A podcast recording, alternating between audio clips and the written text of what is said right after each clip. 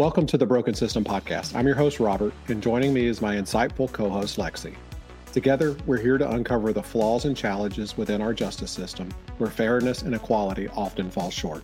In this podcast, we aim to delve into the complexities of our justice system and explore the experiences and perspectives of those who have been affected by its shortcomings.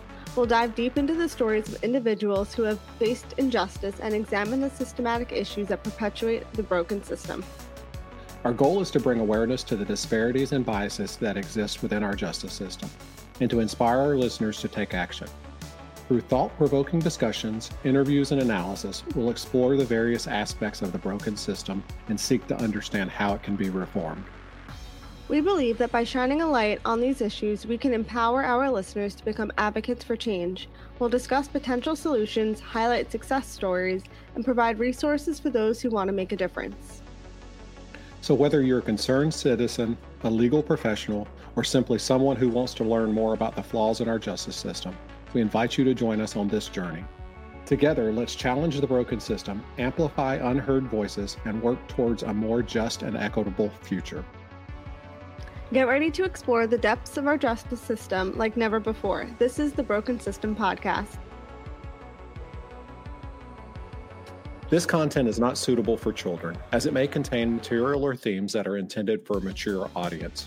Additionally, it is important to emphasize that individuals are presumed innocent until proven guilty in the court of law, and judgments should be reserved until a fair and impartial legal process has taken place.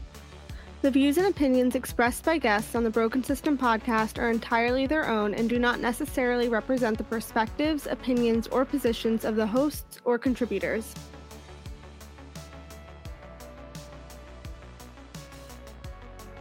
Welcome, everyone, to this week's episode of the Broken System Podcast. This week, myself and Lexi talk with our good friend LaDonna Humphrey. If you don't know her, she's an award winning writer, documentarian, investigative journalist, executive director, and an advocate for victims' families. She is the co founder of All the Lost Girls and the True Crime Fest Northwest Arkansas, and she has two podcasts the Deep Dark Secrets podcast and the Extinguished podcast. But she's also our friend, so we really enjoyed speaking with her. I think you guys will enjoy listening to her and getting to know her, learning more about her, and just understanding who she is and the person she is this is probably one of my favorite episodes because I, honestly it was easiest episode that I've had to edit because it just flowed so easily and flowed so smoothly. There wasn't a lot of editing into it.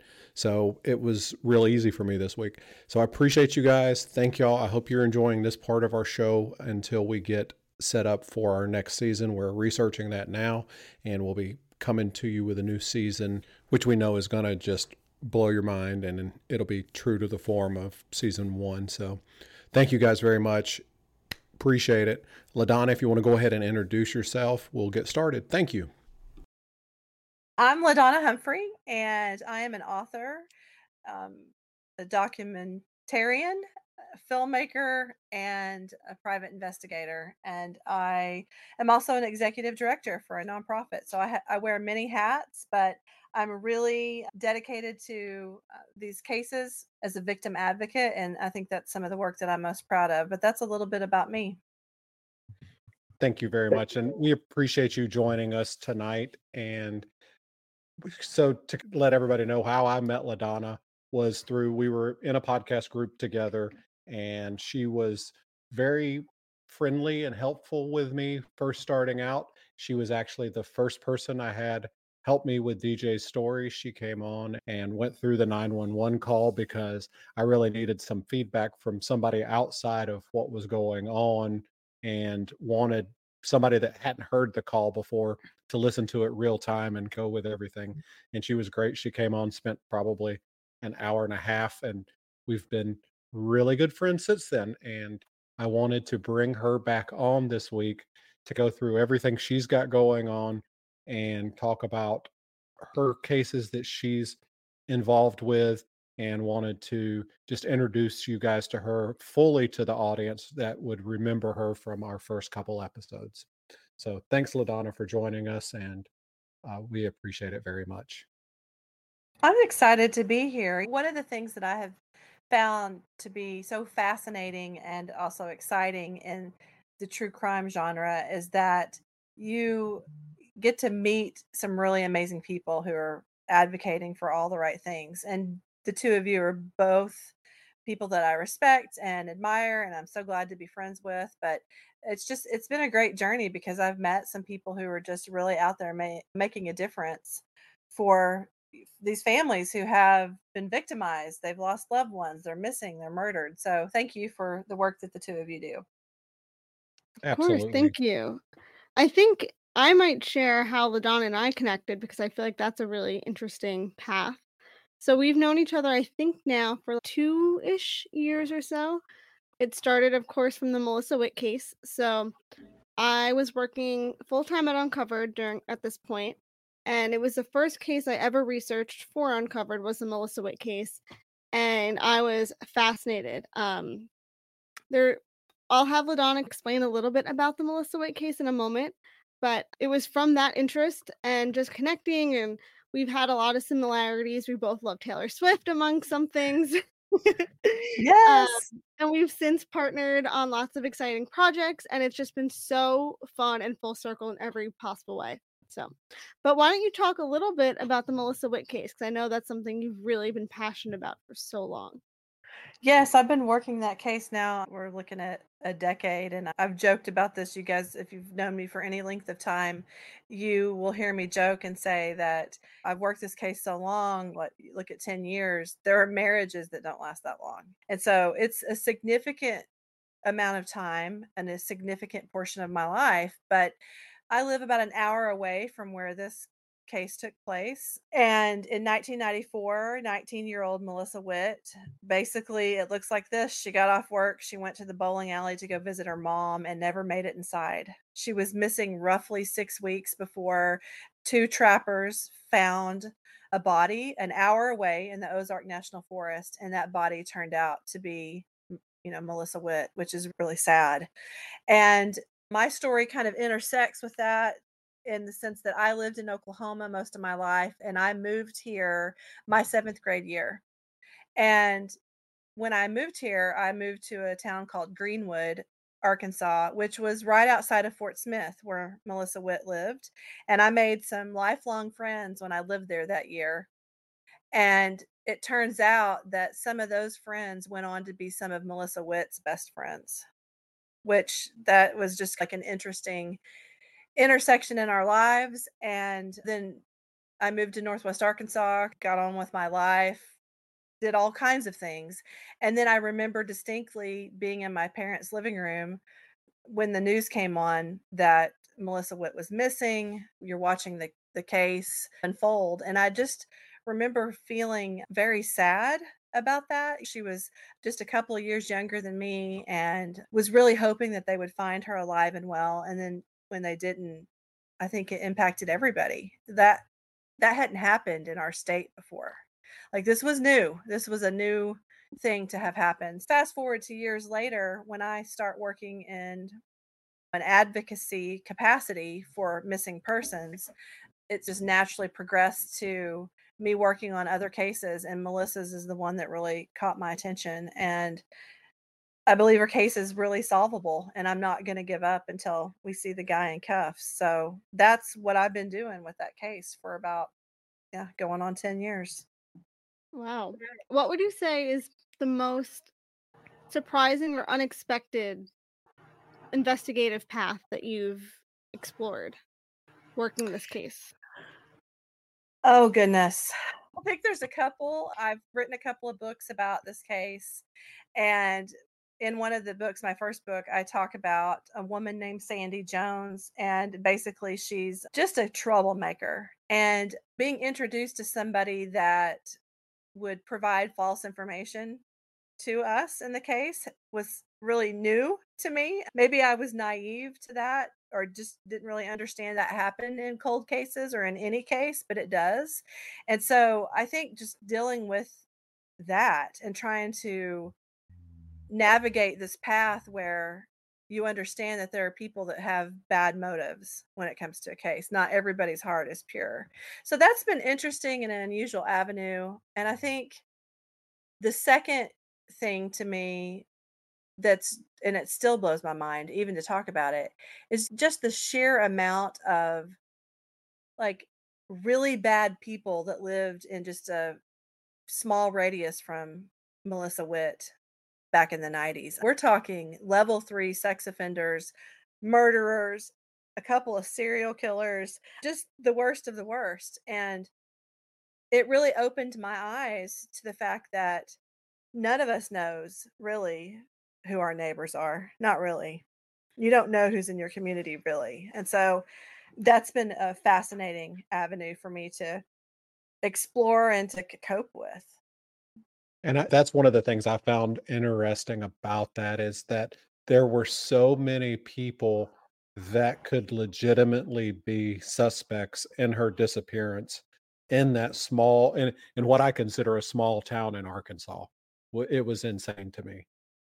Oh, it is. It's yeah, to even think about it, there were some really bad people that went on to do other really bad things. And all of those avenues had to be investigated. And one of the things that I did in this case is I reinvestigated every single lead that the police had looked at. I did that on my own. And I learned a lot and was able to contribute some things to the case, but it also opened my eyes to the sheer amount of evil that is around us. And it's definitely taught me things about taking measures for my own personal safety and for that of my family too.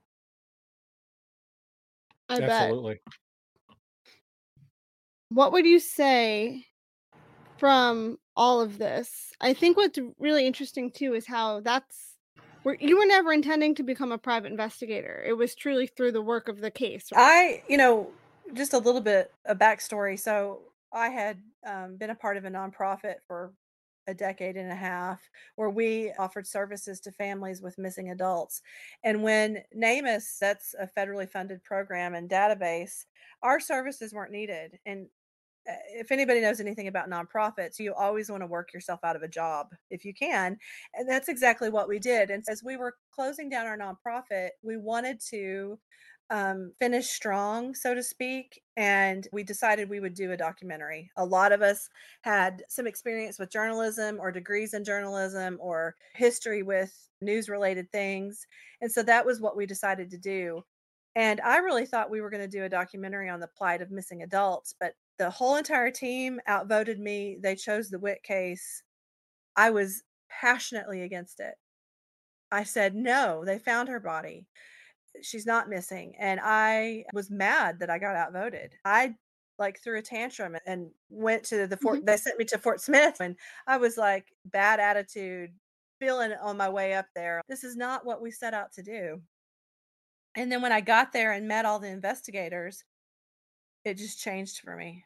It was the passion. And so my heart going into this, once I decided that yes, we were going to embrace doing this documentary, is that we were going to do this documentary. It would take six months. We would get in, get out, be done, and go move on to the next thing.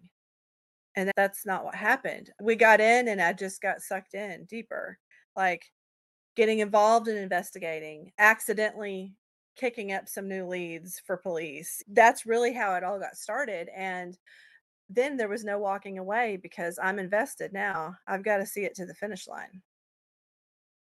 Yeah. Do you feel where it's at right now and you've been so involved and so ingrained, do you feel that there's a resolution coming or do you feel like it's going to take a lot to get that resolution? It's not going to take a lot to get the resolution. I really thought we were going to see the resolution before the new year in 2024. That's how close we are. Awesome. And when that didn't happen, of course, I was a little upset, but we're still very close. Honestly, I believe we know who killed her. In all fairness, there's always a, mar- a small margin of error, and uh, maybe I'll come back to you and say, guys, we were wrong. It wasn't who we thought. But I don't think so. I, I think we've got our eyes on the guy and he knows that we know. And I think his world is slowly fall, falling apart. And we're counting on that because it's going to be that will help contribute to getting those cuffs on him and putting him behind bars. And I think that's the important thing that we always have to take into consideration is you would rather it be done right and not rushed. And, and I know it's been a long time, but if they were to rush it, it was done, and something were to fall apart because of it being rushed, you'd be like, I can't believe that. Uh, it, to me, I would rather it it be a slam dunk as opposed to an iffy situation, if that makes sense. I agree. And you definitely want it done right. You don't want a loophole because all it's going to take is for the perp to hire a great criminal defense attorney and then your whole case falls apart. But I'm really hoping that this I have a new book coming out and I'm not going to say the name of it or anything like that. I'm honestly not trying to plug the book, although I'm plugging the book. So I'm sorry. but I'm I'm bringing that up because it comes out on April 20th. It's the third in the Witt series, and I write exclusively about who I think killed her. I don't name him, of course, but I take it to the edge, to the very edge. And I'm excited to see how that unnerves this guy. Um, I can't wait to send him a signed copy. That's awesome. That and I mean that's important, and it's amazing that you're able to do that and you will be a driving factor in making sure that he's brought to justice. I hope so. He's, you know, I've spent I spent 7 years undercover pretending to be his friend for law enforcement. 7 years of my life. And I know who he is and what he's capable of outside of what happened to Melissa Witt. I know other people that he's hurt. I know I've I've spent so much time tracking down every girlfriend he had all the way back to grade school just to see who he has been in these relationships that he's had. And even if he didn't, even if we end up being wrong and he didn't kill Melissa Witt, there are things that I know that he did that we could probably get him for because they're it's equally bad. So it'll be mind blowing if he doesn't turn out to be the guy, but I really think he is. Law enforcement are very convinced that it's him. What has it been like to have to trace all of that info back for this individual who you know, I'm assuming by now you probably know very well, but what is that experience been like to learn him, about who he is from strangers, really? It's been it's been sad. It's also been horrifying because he did some really horrible things to these women and really what I tried to do is take the perspective that I was there to help them. And what happened is I ended up building relationships with a dozen women that he had hurt or he'd been involved in. And for their sake, I want to help them get justice in their own lives too. And so it's really come full circle because because of Melissa's case, all these other women are getting some assistance and getting some help that they need. But it's been a lot for me. It's been an emotional roller coaster. It was tough. It's tough to know that he's out there and this exists, these types of things exist that he's done. And it's just been tough to try to go and track these people down while I was simultaneously pretending to be his friend because there was a level of really I did get to know him and a level of sympathy that I had for him because of his childhood, his drug use, his traumas in his life too. Mm-hmm. Not so much that I would ever say I feel I feel sorry for him. I understand why you've done the things you've done, but it's as a human I could see his brokenness and that was hard because he shared some things with me that eventually if he doesn't figured it out now he's going to know I double crossed him and that's going to be hurtful to him and I've had felt some guilt about that. yeah. And then then people pull me back. Detectives grab me by the shoulders. He killed yeah. Melissa Witt. And then it's okay. It's on. Let's fight. Let's get him. Let's get him in. It, it, no matter how bad your childhood was, or no matter things like that, to kill somebody is never acceptable, and that's where it gets hard to. You do understand that people are traumatized because of that stuff, but they're. It's amazing how far some people take it, if that makes sense. Yeah, no, exactly. And that's why I'll joke around and say it, but I say it jokingly, but that's why I have a good therapist because yes. for me to have to do all of these things has been hard on my psyche. It is hard to know that your phone goes off and your husband says, oh, "Who's that?" "Oh, oh, that's a suspect in the Witt case." That's somebody, just not like it's somebody that may have murdered somebody. Yeah, I, I'm sorry, hon. Just can you wait a second? Can we pause this movie so I can talk to the man that I think murdered Melissa Witt? I know you'll understand. My mm-hmm. husband has been as much a part of this journey as I have, so I joke about it, but that's really what it's like, been like the past 10 years. So Yeah. So, in going from that, I know that with the Melissa Witt case, it took you down other roads that ended up you you started another podcast based on things that you found while investigating the Melissa Witt case. So tell us a little bit about that. So I unexpectedly, a couple of years ago, received a, a tip from a woman from the Virgin Islands who basically said that she had been vol- involved in making a death fetish movie and where she was asked to pretend to be dead and uh, that she had been strangled and she was wearing this Mickey Mouse watch. And of course, that set off all kinds of red flags for us because Melissa Witt was strangled and she had been wearing a Mickey Mouse watch that had gotten stolen during the course of the murder. And this was interesting. And so we'd never received a tip like that. So we dived in head first because it needed to be explored. And in the middle of that is when I discovered this horrific world called death fetish.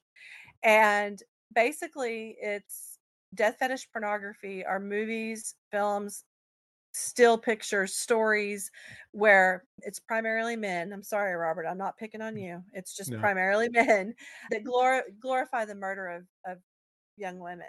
And that really led to us having to find out who the producer was, who did he make the movie for. And I went undercover in the death fetish forums for over a year to gather the information. And that was a horrific experience. But because of that, we launched a podcast called Deep Dark Secrets.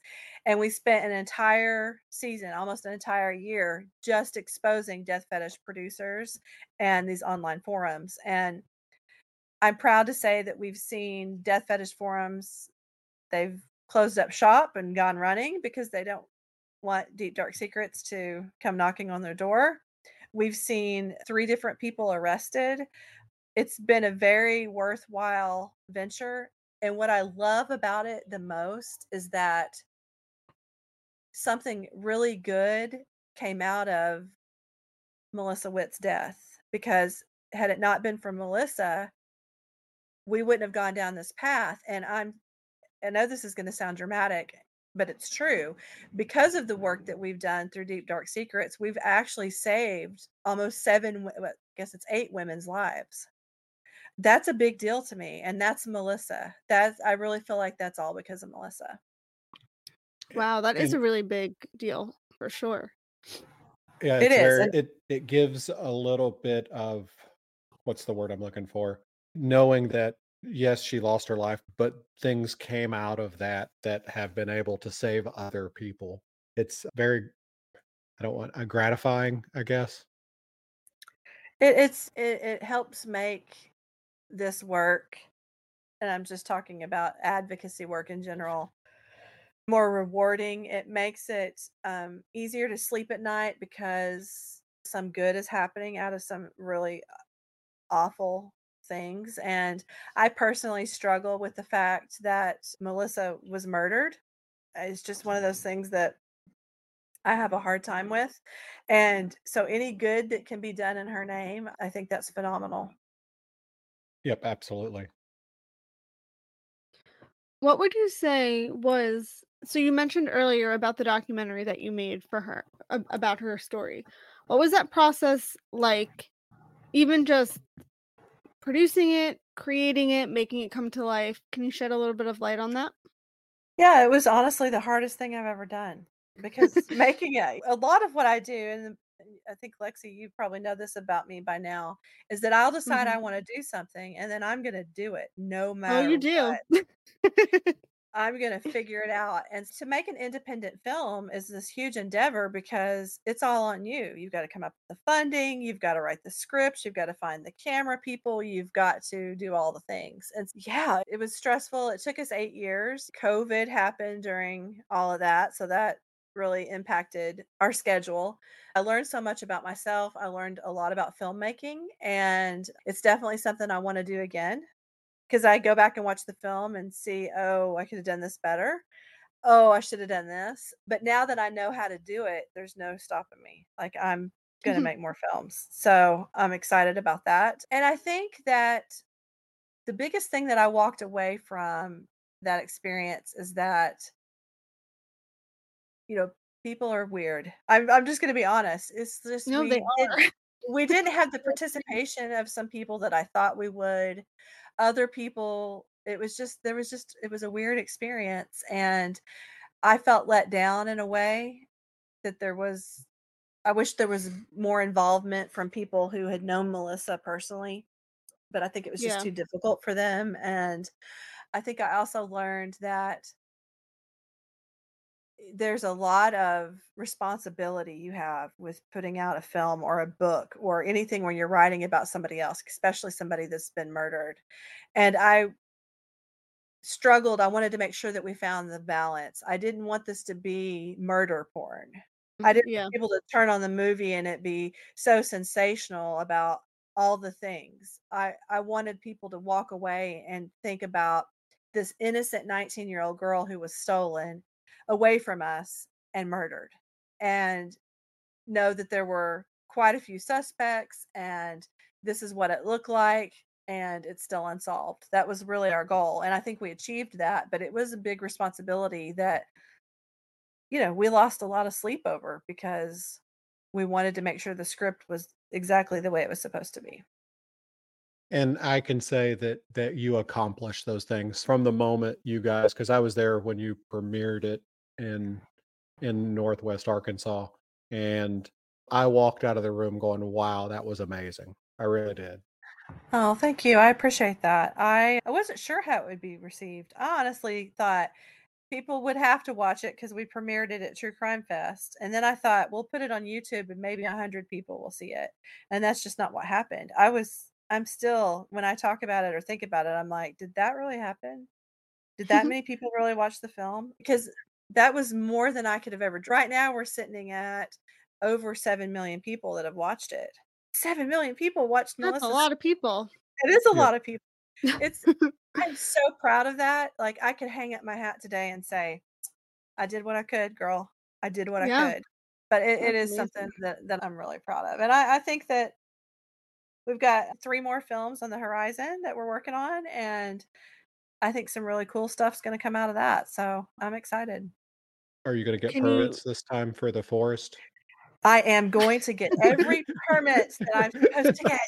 Darn it. That was another thing. There's just so much. Most films have this crew with there's all these people that are taking care of different aspects of of the job and we didn't have that. Now, in my subsequent films, I've got great crew.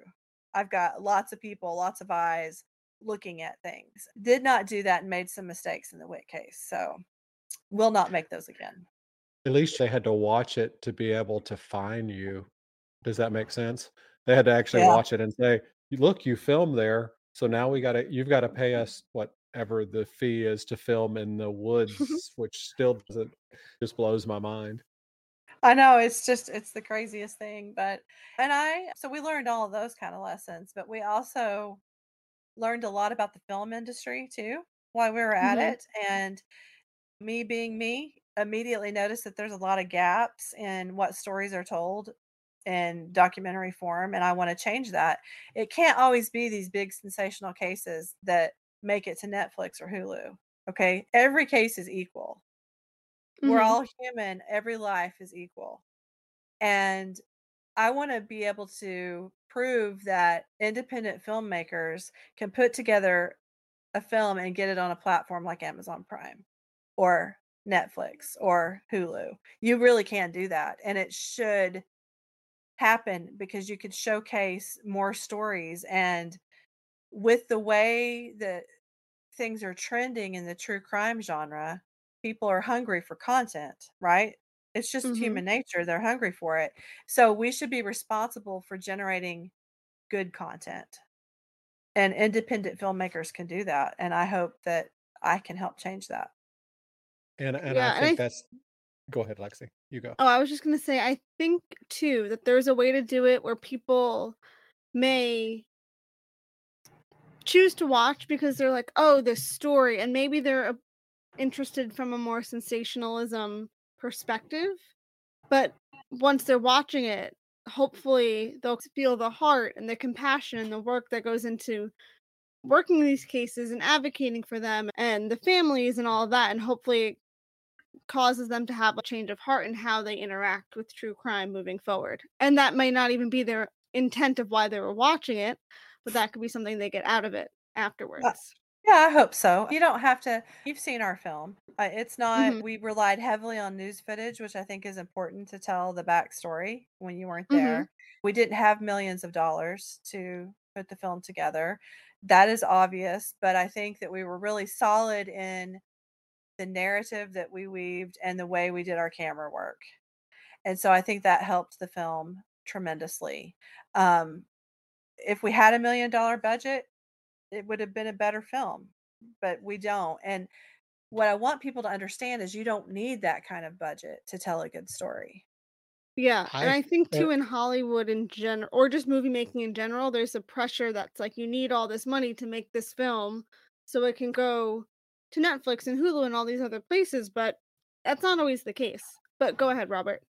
I was going to say, I, I think that that you would be surprised, Ladonna, that people that watch it would not know one that it was your first documentary.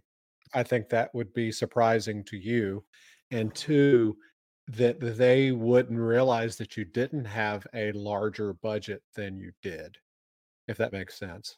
Oh, well, Because- that's flattering. Thank you. Yeah, because it's so well done, and we'll link that in into the show notes so everybody can go take a look at it as well.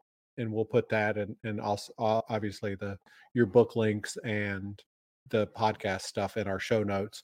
But I, I think when people watch it, I think I, I don't think people come away from it with oh wow that was the first one she ever did. That wasn't well done or, or what i think when you come away from it it's like i said when i was floored when i watched it because i was expecting less. Does that make sense? I was expecting bec- because it was your first time doing this and i knew that you didn't have a huge budget. I was thinking okay it's going to be this five to ten minute documentary about her story and it was so well put together I, I was like okay she did a great job Thank you. I appreciate that. I think people, some people were shocked um, I, that the doc wasn't centered uh, on me. I have a small cameo in the doc in the Ozark National Forest scene when we're getting out of the car with the detectives. You see me for just a second.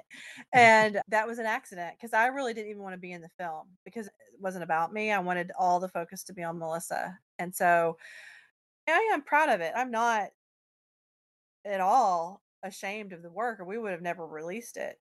It was just we did what we could with what we had and we spent a lot of time uh, on it and just the fun fact about the film much of the footage that you will see that was in the Ozark National Forest and some of the other footage was taken from my suburban that I had at the time with the mm-hmm. sunroof open with the cameraman standing out and we filmed it that way and we get people ask us a lot how'd you get that shot oh my red thunder is what i called her red thunder for my suburban so anyway just a fun little fact to share with your listeners.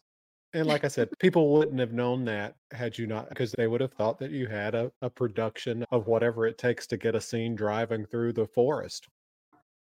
But Yeah. yeah, and that's some of it too with the independent filmmaking is you have to be a little bit more creative to make your money last as long as you're able to make it last and get the shots the way you need to and all of that. Which and I think it makes it more exciting that way too because then it's like when you do more of these in the future you have different ideas of how you can get the shots that you need, new ideas and and such and it makes it more like exciting, I think.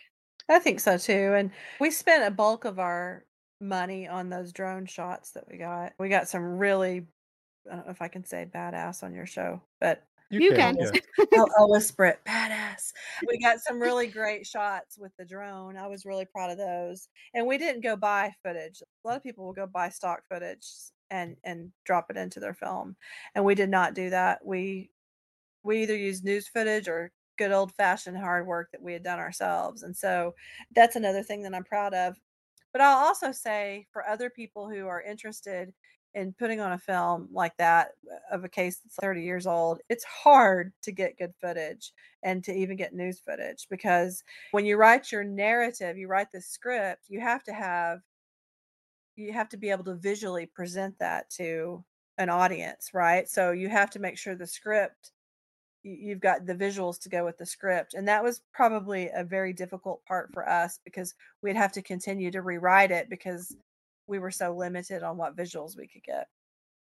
It's very hard especially going back i would say well, the case we did a few weeks ago was 25 years old and there's just there there's really nothing out there. Even news articles there wasn't a ton. There were tons of newspaper articles, but that doesn't translate well when you're trying to tell a story.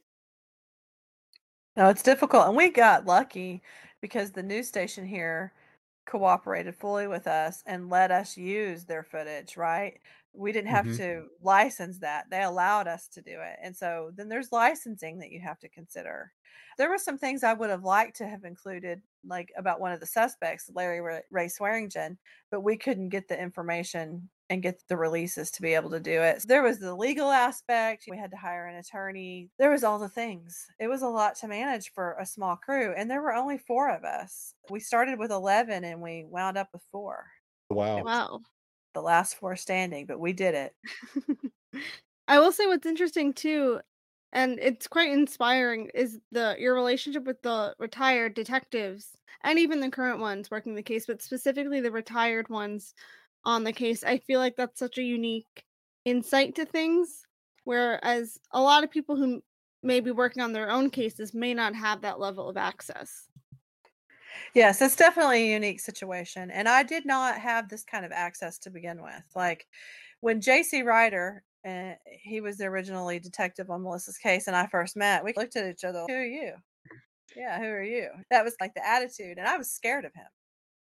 Mm-hmm. And really, what kind of changed things is that I'm like, I was like that persistent gnat that's flying around your head that won't go away. That, but I kept having all these questions for him and texting him. And then when I was able to turn up some information that was really interesting to them, because I called him one night and said, Hey, this guy's been calling me. Do you know who he is? And when I told him, you could have heard a pin drop. He said, Where'd you get that name at? Mm. And I said, He's been calling me. And he said, We need to see you in Fort Smith tomorrow. You got to tell me everything. And so ended up going to Fort Smith and finding out that this was their suspect. This was the guy. And he hadn't talked to them because he had lawyered up, but he wanted to talk to me. He was trying to insert himself into my film. And so that's how that got started. And then it became like valuable to them Mm-hmm. because it was They needed you. Yes. And then that allowed me to build a relationship with them. And then they saw they could trust me. I know things about that case file that I'll never say because it's more important to me that Melissa's case gets solved than I go run my mouth about what I've seen. And they just don't see that a whole lot. And so JC, he's going to shoot me if I say this. So hopefully he'll never hear this interview, but he's like a dad to me. He really Mhm. is. And that's seriously going to make him mad. But we are that close. He just texted me like 30 minutes ago. And so Mhm. I'm proud of that relationship because it's like another gift from Melissa. And we do good work together. And he wants to see that case solved before he takes his last breath. And I'm determined to help him make sure that happens. Have you had the same cooperation with the current investigators? Do you feel pretty good about that relationship? Yeah. I've, I know all of the men and women who have worked Melissa's case. I have a relationship with most of them. The current lead detective is Brad Marion, and I have a lot of respect for him. He and I talk not as frequently as I do with JC, but we do communicate. One of the things that I, what happens now is that I receive most of the tips because of the Facebook page and my work and the tip Mhm. line but my agreement is that I turn all those over to I vet them, I log them, and I turn them over to law enforcement.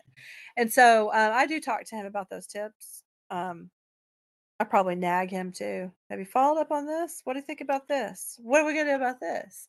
And he always says, Humphrey, you keep me on my toes. Or I see your, you know, my phone rings and it's Humphrey and I know it's gonna be a 30 minute call. But so we joke around, but he also knows that business about getting this case solved. And I know he means business about it too. So it's a good relationship. And, and that's important. Eh, and I think that's what happens a lot of times is they get so many calls of people just wanting to talk about the case for a short period of time to get as much information as they can and then walk away.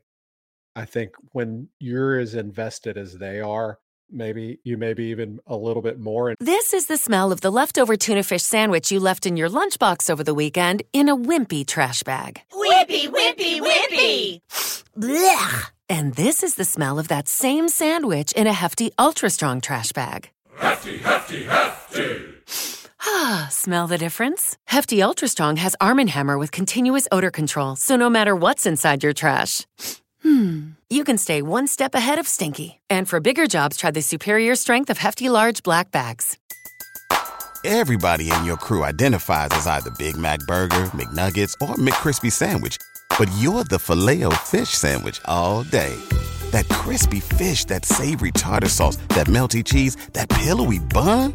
Yeah, you get it every time. And if you love the filet of fish, right now you can catch two of the classics you love for just $6. Limited time only. Price and participation may vary. Cannot be combined with any other offer. Single item at regular price. Ba da ba ba ba. Invested than they are.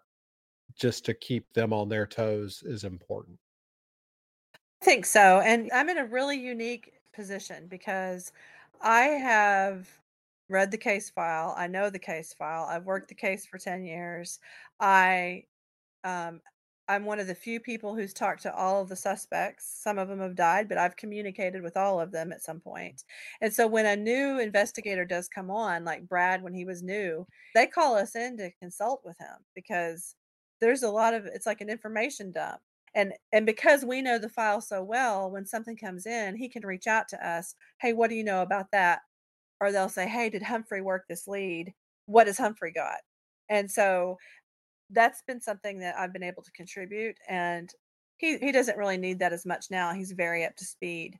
But in the beginning, that's what it was like. And they would tease me because they would say, I don't know, ask her what's on page 800, second paragraph of the notebook for because I promise you Humphrey will know. And and they're right. but that what started out as a joke has just turned into just a great working relationship. That's awesome. That's great. So as we go, we progress into everything that you've got going on, which is a ton. Let's talk about True Crime Fest Northwest Arkansas. That's my baby. Yes. It is. So everything that we do is very strategic to do in the honor of Melissa. And one of the things that I've always wanted to do is put on some sort of conference or festival. And it's very iffy to call anything true crime festive, okay?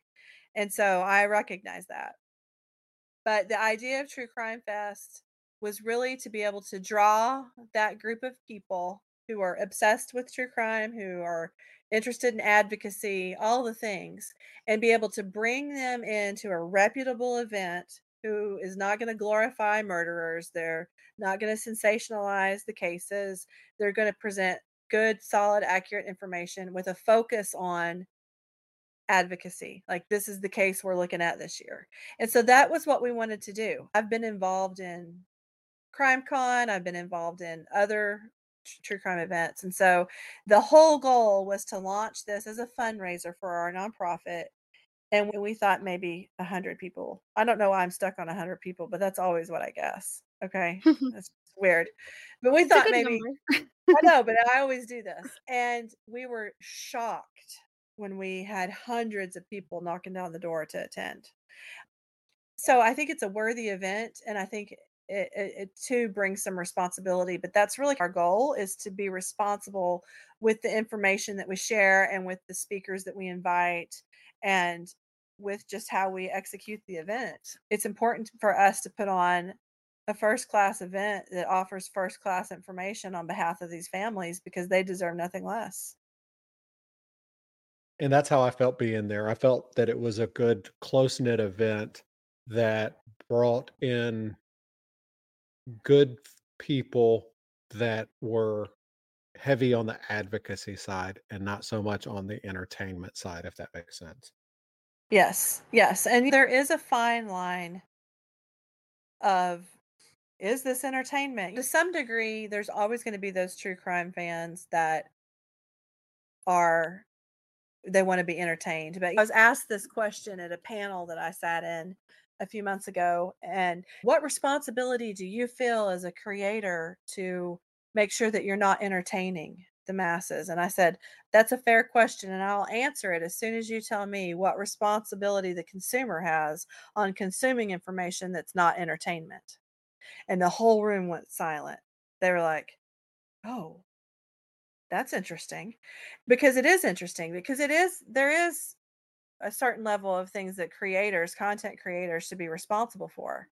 And it's not entertaining. It's sharing information in a responsible way that honors the victim and does not glorify the murderer. But I also think that we have to turn it back on the people who are consuming the content too. They have a responsibility too. Because you can shut down those folks who are out there for the wrong reasons if you stop consuming their ridiculousness. And I Right? think that's the I think that's the problem is that you've got more people that are looking at it as an entertainment source than they're looking at it as an advocacy source. So they're the ones these podcasts that are that are questionable. There's a few in my mind that are questionable that continue to build off of drama and sensational how do you say it? Sensationalism. Thank you. Sensationalism. They build off of that and continue to do it because it's making them money. And I think that's where I think that's where the the problem comes in is it- I would say that the majority of podcasters are in it for advocacy and the love of doing it. And then you've got the few that cause most of the issues because they're in it for the drama or the money. Oh, well, yeah, the money. It's big bit true crime is big business. It really is. And that- that's why we approach things differently. From a personal standpoint standpoint, I don't make any money off the books that I write. Those go back into the case. The first book, The Girl I Never Knew, that goes back into Melissa's case. That's how I buy the billboards or buy the I put up the reward or I do all the things. And so that's important to me that I do that. Strangled is different. That's more of Alicia Lockhart's story, and I don't take any proceeds from that book at all.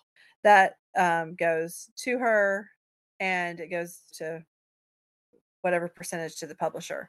And so that's how I approach it. Same thing with the film. Obviously, it has to go back and pay for expenses. And because all the Lost Girls, my nonprofit, is involved, if there is ever going to be an excess of funding from the movie after we've paid for everything that we can from Melissa, it would just go to other cases. We're not there yet, but I, I dream that there'll be a day that it's like that. Same thing with the podcast. Deep Dark Secrets does really well in terms of where we're at. We've grown a lot, but we any money we would make it goes into really honestly back into production, what little production costs we have, and it goes into advocacy work because we do a lot of advocacy work for Deep Dark Secrets. Um, So talk talk about your second season of Deep Dark Secrets, where your focus is right now, and and talk about Amy and talk about that. So Amy Smith is my co-host and partner in crime, is what I like to say. We've been friends for oh my gosh, a couple of decades now. And Mhm. we've been on a lot of journeys together and really excited that she's my co-host. She and I are co-founders of All the Lost Girls, co-founders of True Crime Fest. And so we do a lot of work work together, but this season we're focusing on human trafficking and that's been a real interesting season. We've really seen our numbers jump. There's a lot of people interested in knowing about human trafficking, and we're doing some deep dive investigation into child sex trafficking from the 70s and 80s and really trying to expose some of that and help people to see how this network kind of then bleeds over to the 90s, the 2000s, and all the things, and how really connected these pedophiles are. I don't think people understand that. And it's been interesting. It's been a relief to be away from death fetish for a little bit. That's a pretty heavy topic. Not that human trafficking isn't. So, our third season will go into domestic violence issues. So, I'm super excited about that too, because that's something close to my heart that I deal with in my real job with sober living. So, yeah, we're we're really plugging along in our second season and we're learning a lot and meeting a lot of other great podcasters like yourselves and so that makes the journey fun. Mm-hmm. Absolutely. And then you've got a you've got a second podcast out now, right? i do it's called extinguished and that's with david mcclam and i enjoy that. We do things a little differently. We cover one case over four episodes and we talk about the missing or the murdered and really try to shine a spotlight on those cases and we've covered all kinds of cases so far and i really like spending that four week time period on a case. It gives us a lot more time to research we can share more in-depth information with our listeners and we were able to spotlight on a case for a month and that means a lot to a family to have that much coverage. So I'm enjoying it. I'm excited to see where Extinguished goes. We we were part of Murder in the 21st television show on A&E this year and so we plan to do some more of that and that was pretty cool, a lot of fun. Yeah, anything we can do to spread the word for these cases, I definitely want to do. But I'm about maxed out on true crime projects. So No way. what do you mean? there's no more capacity. I'm an old woman, guys. I turned 50 in August and I have to slow down a little bit. No, you're just getting started. Uh, We'll see. I say that and then it'll probably be like me texting Lexi something- next week and saying, Okay, I got this project. Let's get started. And I'm like, okay, let's do it. Sign me up. We're gonna pull you in some too, Robert. So just you wait, you're next. I'm I'm ready. Just let me know. I've got Okay. a little I've got a little bit of capacity.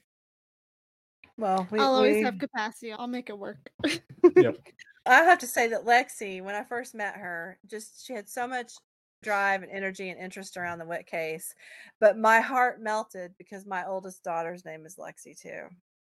And it's so funny. There have been several times that I've called up my daughter and accidentally called this Lexi and just started talking, like not even hello. And she'll be like, Yeah, like I got oh, Lana Del Rey tickets, and I was like, oh.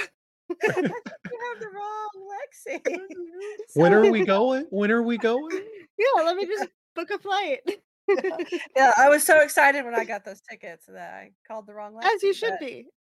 Yeah, But you very know, much. I remember when I one of the first times I'd heard about Lexi is that I was standing in the police department in the in the conference room and somebody said, "Yeah, so and so filed an FOIA on the Witt case." And I said, "Really? Now who did that?" And I was being funny, but I was also interested and they gave her name or this her first name and I was like, "Huh. Interesting." And then it I think either you had already emailed me or emailed me shortly after that. Something like that, uh, yeah. It all came together, but I loved just this deep dive that she was doing into the case. And then when I met her, I was like, yeah, this girl's the real deal. Like I've got to work with her. Yeah, we've been lucky enough to work together on other stuff. Some things to come, but it's been really fun to to work together, to partner on things, to figure things out. Like it's so much fun.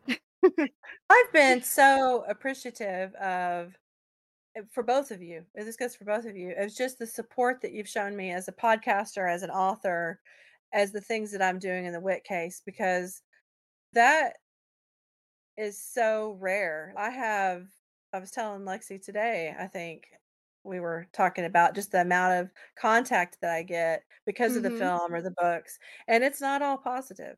I have myself a little group of haters, and uh, that's hard. That's really hard. So it's really Yeah. great when you get people that are supportive. So For sure. Well, Thank you. th- Go for Go it, ahead. Robert. Nope, you go. Okay. I was going to say, I think I really believe in the idea that we can all succeed. We don't have to compete because there is a lot of that already exists in the true crime space.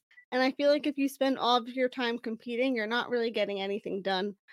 which might not be a profound idea necessarily, but it's so much easier to just do the work and collaborate and see what happens.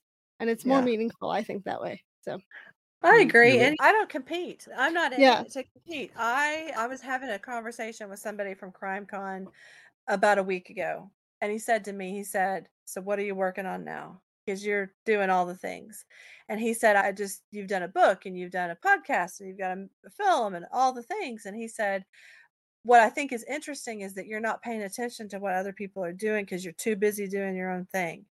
And I said, yes, we all need to be too busy doing our own thing with these cases because it doesn't matter to me what other people are doing. Now, it matters to me in terms of I'm going to be their cheerleader. I want to be the first person to stand up and say, woohoo, I'm on your s- keep going, do great work. mhm.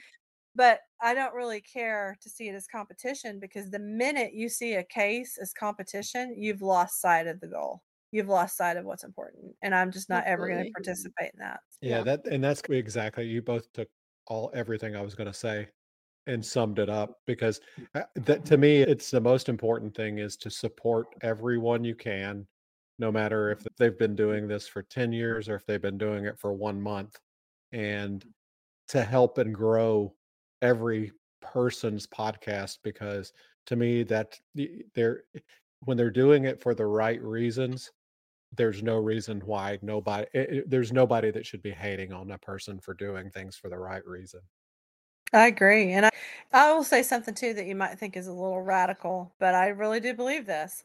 There are troublemakers out there in the true crime space. So there's troublemakers in any space. But Mhm. what I love to do personally, because I think that there's a responsibility for having any type of leadership role, and we're all leaders. If you got a podcast, you're a leader, you've got a platform. Yeah, eh, same thing if you're an author or a filmmaker. And so I always make sure that every now and then I'm reaching out to some of those troublemakers and I'm saying, Hey, I tuned into your podcast or I read your book or let's talk. How can I help you affect change and try to be positive to help maybe redirect them? I think that's important. Not everybody would agree with me, but I do it. And I think that's the only way that we're going to see change is because you will do better if you know better. And you can't Yeah. just assume that people know better. You have to teach them. And so I'm trying to mentor a few people into doing the right thing. So we'll see how that works out. That might be a podcast. i kill them I, I kill them with kindness i i talk to them and uh, th- there's a number there's a couple that i feel the same way that that really need that extra push to make sure they're doing the right things all the time not just some of the time yeah. Yeah. Well, we're we're all too we're all human right? We're Mhm. all going to make our mistakes. We're all going to have our turn in the hot seat. We're all going to have our turn of being hated or loved or whatever the things but at the end of the day we're all human and should treat each other as such because that's how you affect change. There's a story that i read about this african village and when anybody makes a mistake in this village they bring him into the center of the village and the whole everybody else stands around them and this goes on for 3 days and all they do is talk about all the positive things this person has done. They don't focus on the bad thing. They really try to lift them up with all the good things they've done. And I love that story because that is so important for humans to be able to say despite this mistake I've made, these are all the good things I've done. I can turn it around because any of us can turn it around tomorrow if they want to. And I think for the podcasters and authors and anybody else that has a platform that's on the wayward path, on the entertainment path, the best thing the rest of us could do is to try to gently push them to use that platform for good. And I think it's possible. I'm not so naive to think that everybody would change, but I think it's worth worth the effort. If you change one you if you've made a big impact Yeah, I think so. That that is something that I take pretty seriously and I like to build relationships and connect people and I try to do that in the true crime world too. So we'll see how that Yeah. continues to work out. I think it's Absolutely. important too because I sometimes you never know how that connection could help further a case or what new information could come from that connection. Like it is important to do those things as well. Yeah, I think so too. I love being able to connect people together and like promote good people. I just think that's important. And that's why places like True Crime Fest are so important. And even bigger venues, there are going to be plenty of people who are going to say that they don't like Crime Con. I'm going to bring it up and I'm going to get, oh, I don't attend that event. But lots of people do. Lots of people do. And Mhm. That's a great platform to meet people. And I've had nothing but good experiences at Crime Con. Yeah. So connecting Me- those me dots. well. Yeah. So I will continue to participate with them. I have made some great relationships out of that. And, but I use that as an example because you and I both know that there are people who are going to say, I would never go to Crime Con. I'm never going to do that. Why? You can take any experience and make it good. And I think Yeah. it's important. And for me, that's where a lot of resources are for cases. And Yeah. so I feel like it's important to be there and to network. And I will continue to do that. Yeah, and I And think too, same. even in Orlando, they were granted by no means was it a perfect display of advocacy or anything like that. But I think sometimes you have to meet people where they are at, and it might not be a sweeping change overnight, but little by little, I think by having those conversations and that open dialogue, it helps to hopefully make it an event one day where there is a more advocacy or people who feel like there isn't enough of it. They feel like they can participate because they see that ab- you know advocacy in the way that they prefer or that they represent can exist there too Yeah, I think so too. And and like it or not, CrimeCon basically launched my career as an author because that's mm-hmm. where the girl I never knew launched. That's I still think about CrimeCon Vegas, and that was just wild. That was one wild ride, just being there and participating in that. And so I'm really grateful for that and for the relationships I've built with their team. They've got so many really great people, good-hearted people that want to make a difference in this industry and for victims and their families. And so I think that gets lost in it a lot. I think people just forget to see the heart behind it. And I think Yeah. so. I, I think that I think a lot of times every event is what you put into it and what you take out of it. So if you go into it with a negative connotation, you're going to come out of it with a negative connotation. But if you go into it, and, and there's so many things going on there. Yeah, some of them may be a little outside of what you're comfortable with, but there's so many things that are in that comfort zone for each individual person that they don't make you go to every single thing there. You don't have to touch every single booth. You don't have to talk to every single person there. You, Well- you can pick and choose your environment, and it is what you make it. I think what you said, like going to a crime con, it's the same thing, honestly. It is being on Facebook and scrolling through, and you see something that someone posted that you don't agree with. Guess what you can do? You can just keep on scrolling. Okay. Yep. You don't even mm-hmm. have to comment. Just keep on scrolling. And that's the Yeah. same thing. It's exactly what you said. There is so much for everybody. And there are definitely things about any event that people aren't going to, you can't please everybody. But the heart that goes into that event is pretty phenomenal.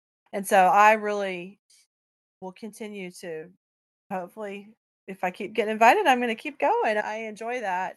And I enjoy making those connections. And what I want to do is help other struggling independent filmmakers. That's really something I'm passionate about. And authors be able to get to that next level uh, of telling those stories because those are so important, I think. And I'm also excited to see what happens when I move on outside of the Witt case. I think that's going to be an interesting leap for me to take and to see how people react to that. I'm interested to see what that's going to be like. It has to be. It has to be a little intimidating for you.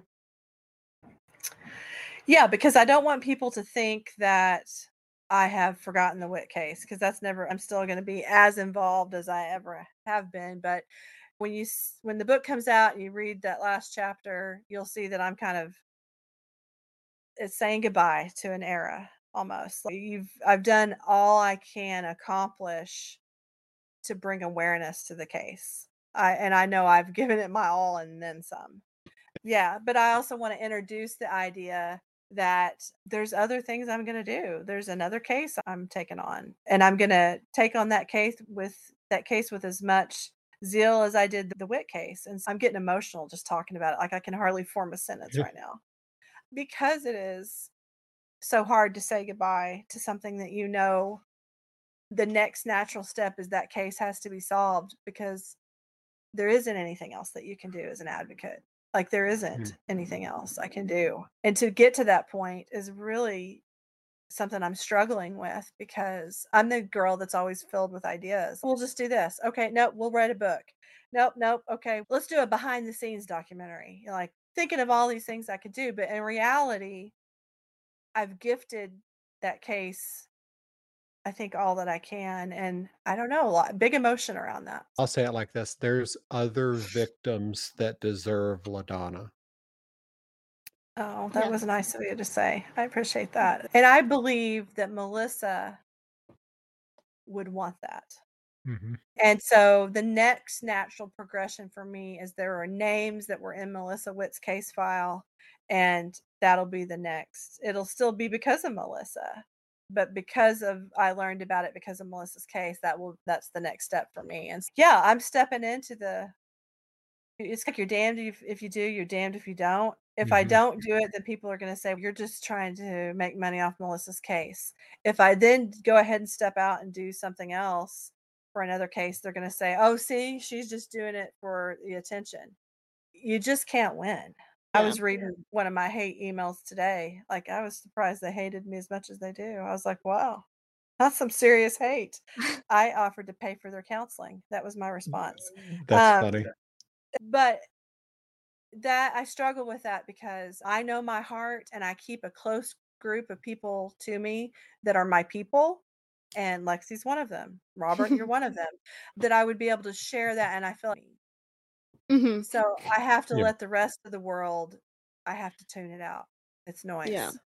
It it doesn't matter what you do or how good you are or no matter what you do there's going to be those people that automatically take the negative route and are are just they're just hurtful and mean people that want to not shine in the world and they want to make everything dark and bleak. So they're going to take it out on whoever they can, whenever they can. If it's not you, it's me, it's Lexi, it's somebody else. They're going to be they're going to be beating us up for something. So you just got to take that Yeah. with a grain of salt and do like you said, offer to pay for their therapy and move on.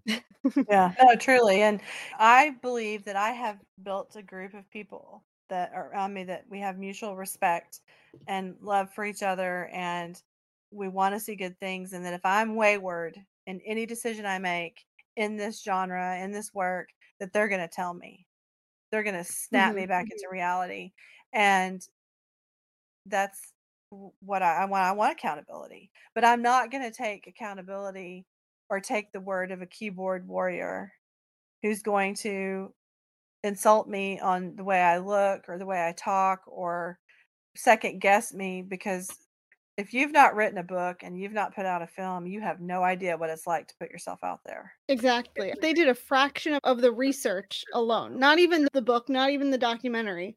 Just like to know what it what you have to go through to when you get a tip, like what that process is. Like that's not an easy process. There's a lot of research and digging and all that's involved in it. So it's very easy to say, "Oh, you didn't do this right," to make comments, but I would I like to think that they would have a very different opinion if they were the one who doing it day in and day out the way that you have for all this time.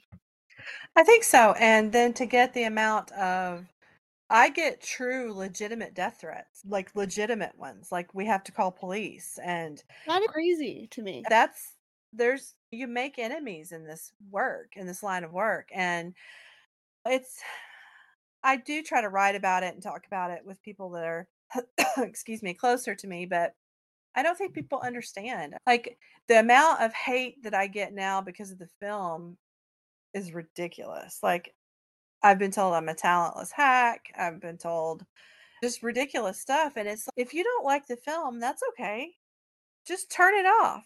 Go watch Yeah. Dateline if that's what you want to watch or whatever. But you don't need to take the time to look me up on social media and tell me that you hope I die a slow and painful death. People are just, it's like I said earlier, people are just weird. It's just, it's been a real, really weird journey. I yeah, think and that I think go for it, Robert.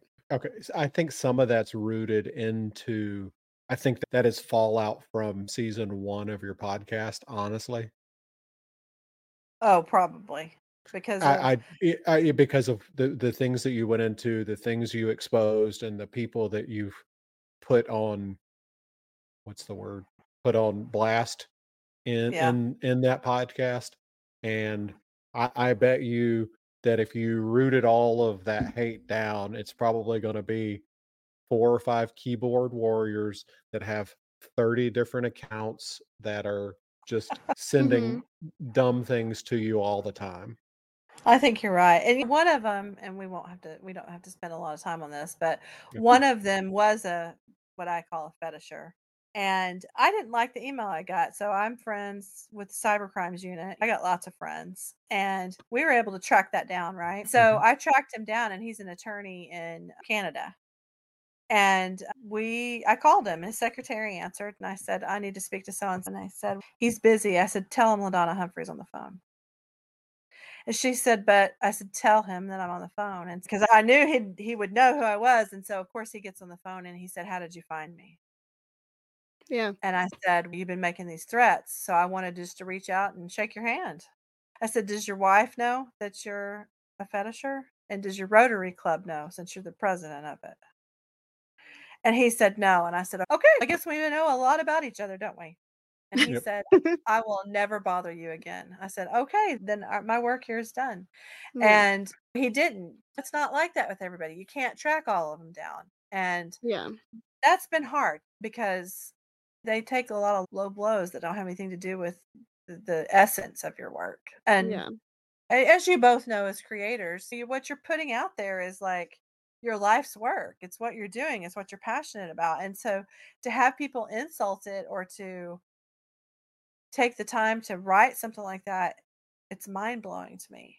I don't think I'll ever understand it. And that's why I want to cheerlead for my friends who are out there doing stuff and, and make sure that I'm out there writing positive reviews and by doing those kind of things. So It's amazing to me. It's amazing to me that people have that much time that if they don't like something that they're going to stop and research to be able to send negative feedback on what they didn't like. I just don't I don't listen to it again. I don't watch it again. I just Yeah. Just move on. I move on. yeah. yeah, I- a lot we live rent free in people's heads, I think, as content creators. So you guys just need to remember that. Uh, people get Yeah. fixated with the work that we do. So anyway, I didn't mean to cut you off, Lexi. Go ahead. No, it's okay. I think too realistically, if you were standing face to face with them, I don't would they say that? Probably not. That takes a mm-hmm. lot of guts to to type it, let alone say it to someone's face. So I think it's much easier for them to hide behind a screen and, and go off because they feel entitled to it.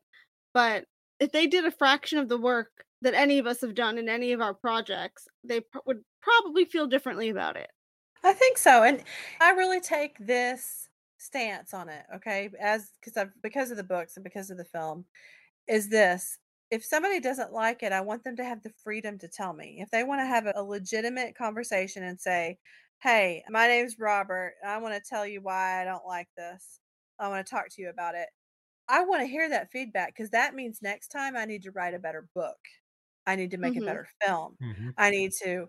So that is something I take that feedback very seriously if it's done in the right way. Not a keyboard warrior who wants to poke fun of I don't like your hair or what was it? Somebody said, "How do you leave the house because I have I can't remember what they said. It was something about the color of my eyes. It was really bizarre. And I thought that is strange and I don't Yeah. care what you have to say because you're hiding behind a screen name. When you want to call me up and say, "Hey, my name is so and so. Let's talk." Then I'll talk to you and I will take mm. you seriously. And, and that's one of the things I took away from Todd McComas. He told me, he said, look at your reviews, look at the feedback. He said, and take it with a grain of salt. But if it's something that you look at and say, okay, maybe that, maybe I do need to change, make a change because of this, then make that change. But if not, just move on and, and know that they're either not going to listen to you again or they're going to make another comment later on about something you did again. So, That's true. And I received a lot of it was scandalous to a lot of people that I wrote about death fetish. It was scandalous that I co-wrote it with somebody who had admitted to being in the death fetish industry. It was just that was a lot of it too. People were like, "You went undercover in the death fetish forums? Oh, for shame."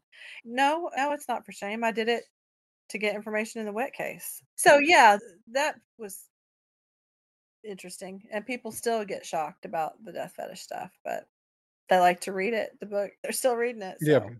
So Oh yeah, and I, and they're still listening to the podcast. They're listening to the first season, and it pushes you into your second season and then to your third season. yeah, I think so. And I, I think se- our second season has been more, more well received. And we've got so many more downloads, and we really knocked it out of the ballpark the first season.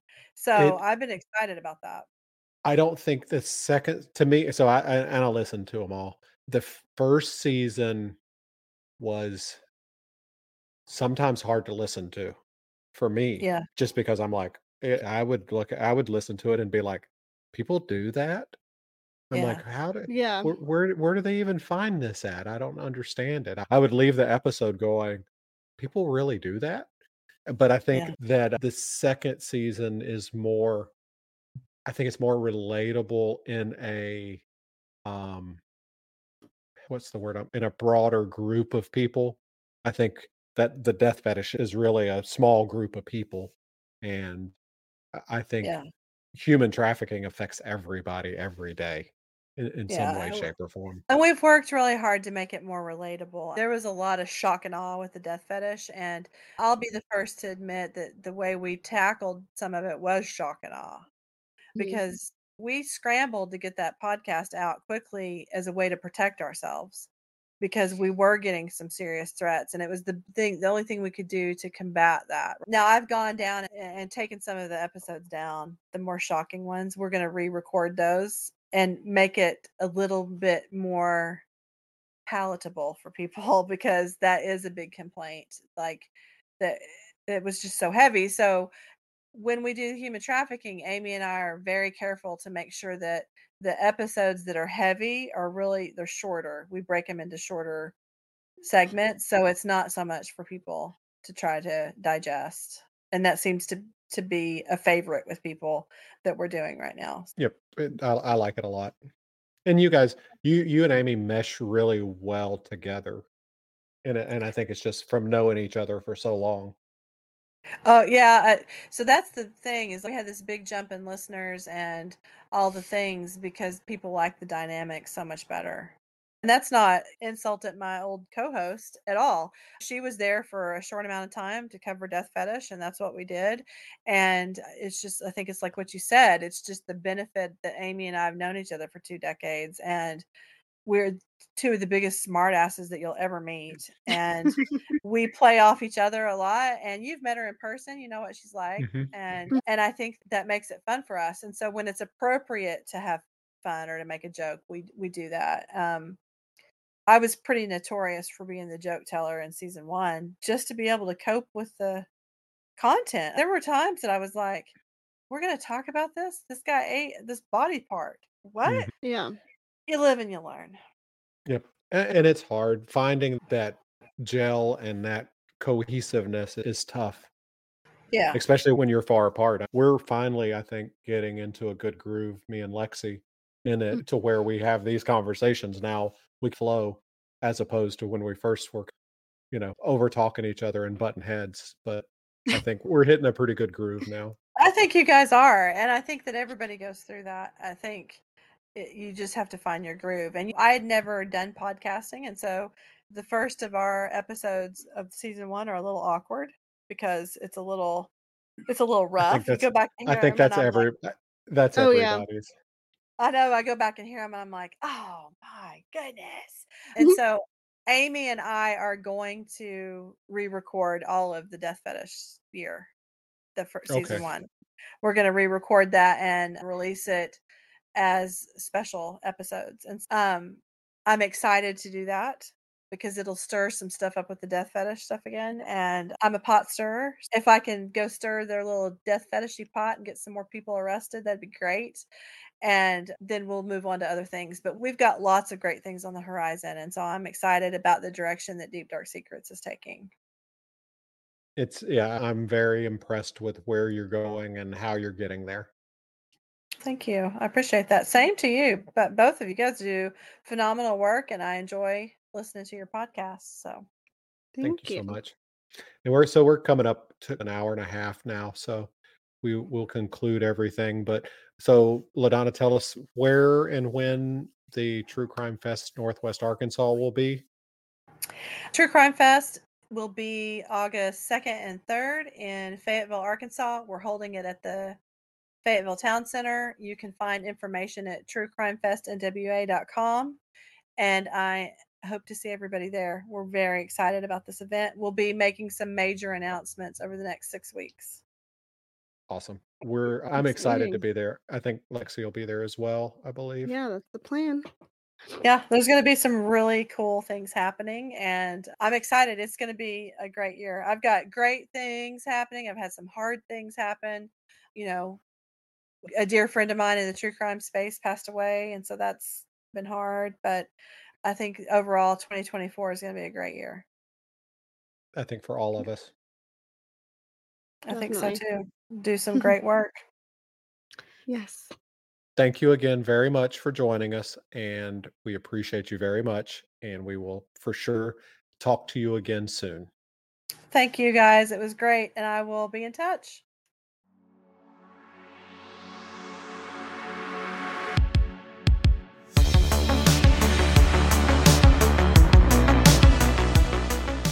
Thanks to everyone for joining us this week. We appreciate you and look forward to talking with you guys next week.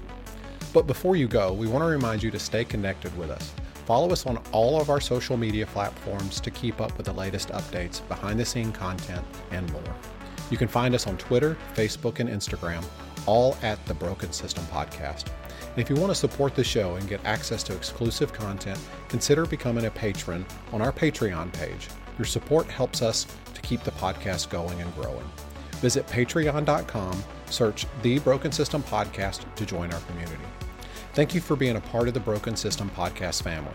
We'll be back next week with more episodes, and until then, stay safe, stay curious, and keep breaking the system.